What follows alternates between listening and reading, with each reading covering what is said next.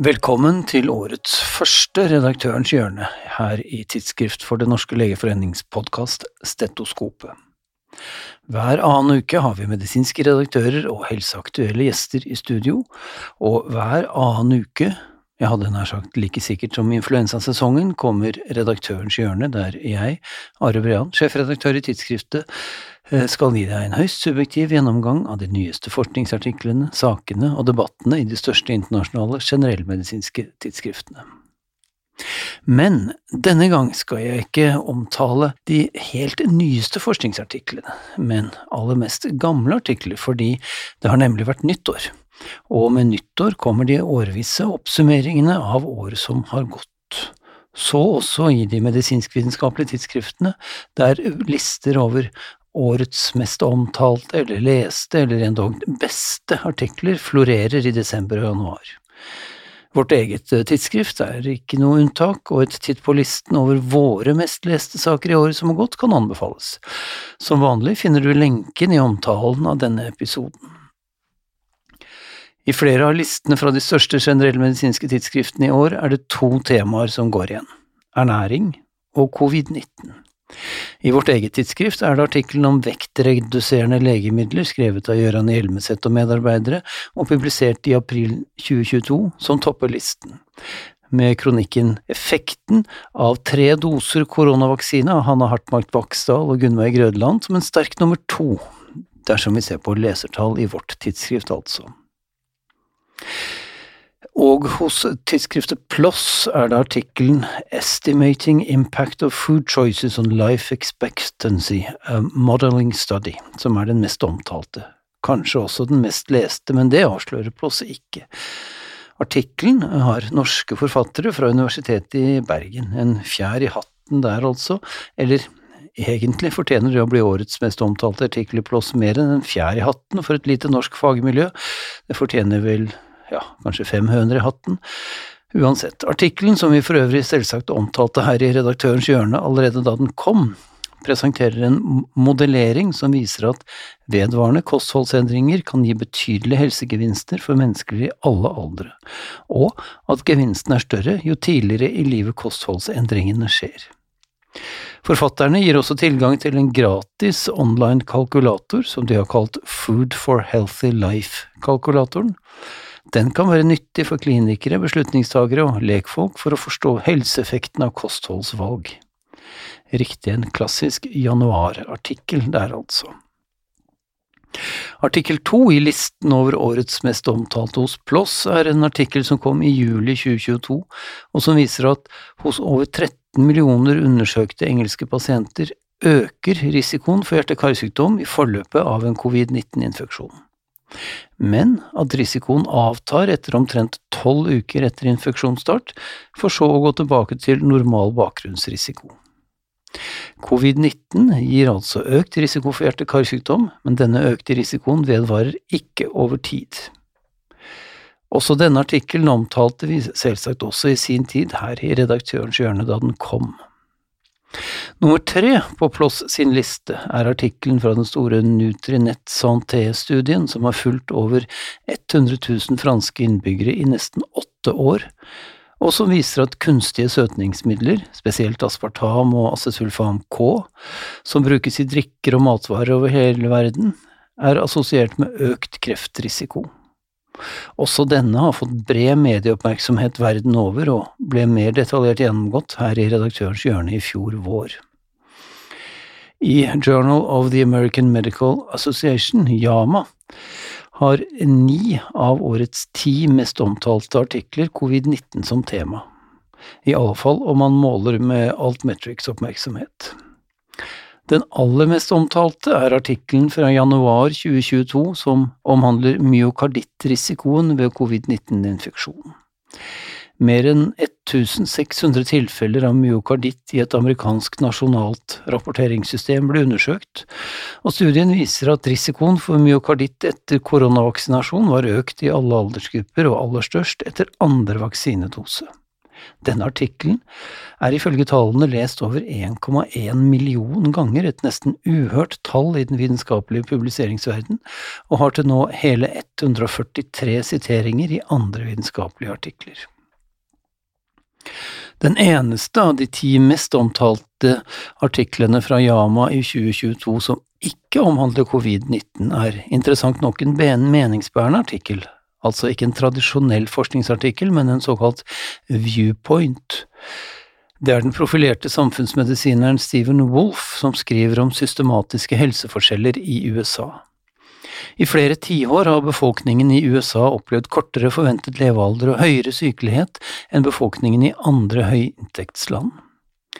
Gapet i forventet levealder mellom USA og 16 lignende land økte fra 1,9 år i 2010 til 3,1 år i 2018 og 4,7 år i 2020, skriver Wolff. Og i kommentarfeltet som hører til artikkelen, er det enda mer amerikansk selvpisking fra hans legekolleger. Mødredødeligheten fortsetter å øke, slik den har gjort i flere tiår i USA. Overvektsepidemien hos barn når stadig nye høyder, osv., osv. Amerikanerne har mer å stri med enn et ekstremt polarisert og giftig politisk klima. Og tidsskriftet Nature har en annen innfallsvinkel i sin årlige vitenskapsrangering. Her er det ikke enkeltartikler som står i fokus, men ti av de viktigste vitenskapelige gjennombrudd som har skjedd i verden i året som gikk, eh, sammen med en presentasjon av de ti menneskene bak dem og her er det mange helserelaterte saker. En av de ti er for eksempel den kinesiske genetikeren Yunlong Kao, hvis laboratorium i Beijing har vært helt sentral i den genetiske kartleggingen av koronaviruset. I hans laboratorium har de vært i stand til, ved hjelp av enkeltcellegenomikk, å forutsi mange av de mutasjoner som viruset har gjennomgått siden.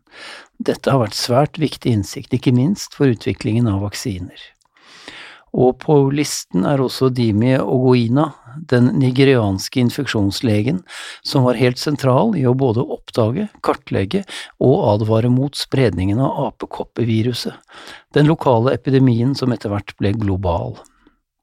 Uten Ogoinas innsats kunne denne epidemien ha fått enda større konsekvenser, og ikke minst ha blitt oppdaget mye senere.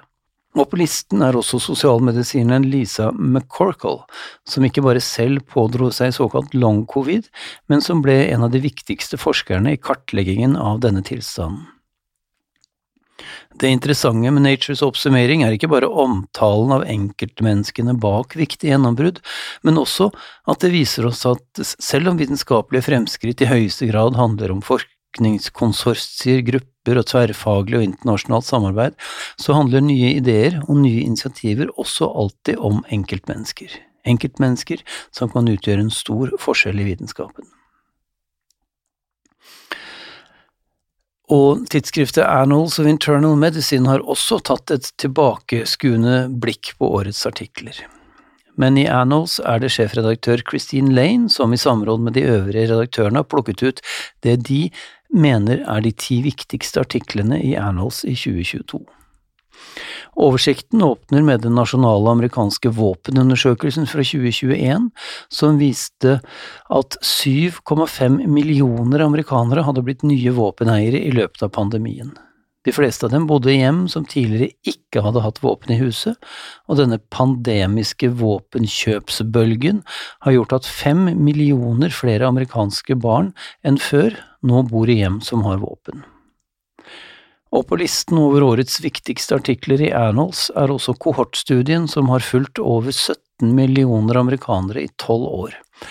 Og felles for alle disse menneskene er at de ikke selv eier et våpen og i løpet av oppfølgingsperioden ble noe over en halv million av dem enten gift eller samboer med en person som har våpen, og de gikk dermed fra å leve i et hjem uten våpen til å leve i et hjem med våpen. Og sammenlignet med de øvrige i kohorten fikk disse en dobling av totalrisikoen for å bli drept uansett årsak, og en, og en syvdobling av risikoen for å bli skutt av samboer i eget hjem.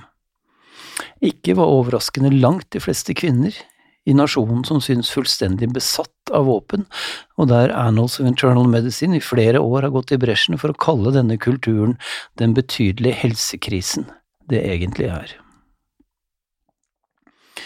Med på Annals sin liste er også den store prospektive studien fra den britiske biobanken, publisert i juli, som viste at moderat daglig inntak av både usukret og sukret kaffe er assosiert med lavere dødelighet hos middelaldrende voksne. Studien viste også at sammenhengen er konsistent, uavhengig av om man drikker pulverkaffe, kaffe fra malte kaffebønner eller dekaffeinert kaffe, og at den positive korrelasjonen ikke er like sterk hos de som søter kaffe med kunstig søtningsstoff, som hos de som drikker den usukret eller med sukker. Og med på listen er også den prospektive kohortstudien fra samme biobank, som viser at inntak av to eller flere kopper te daglig er assosiert med lavere dødelighet. Observante lyttere vil huske at begge disse to siste artiklene også tidligere er omtalt her i redaktørens hjørne den gang de kom. British Medical Journal på sin side har ikke publisert noen liste med sine mest leste artikler i 2022, men likevel, helt på tampen av fjoråret, i British Medical Journals juleutgave, Eh, kom en artikkel som har vakt betydelig oppmerksomhet. Det er artikkelen om global helsenonsens, skrevet av Felix Stein, Katerine Storeng og Antoine de Benji Puyvalet, alle fra Universitetet i Oslo. Forfatterne viser hvordan spinn, overdrivelser, meningsløse, tomme ord og teknokratisk sjargong har blitt stadig mer vanlig i den globale helsediskursen. Globalt helsenonsens, mener de tre, kveler innsatsen for å forstå, kritisk vurdere og forbedre global helse. I snakkende stund er artikkelen lest over 21 000 ganger og er omtalt over 500 ganger på Twitter. Globalt helsenonsens engasjerer tydeligvis.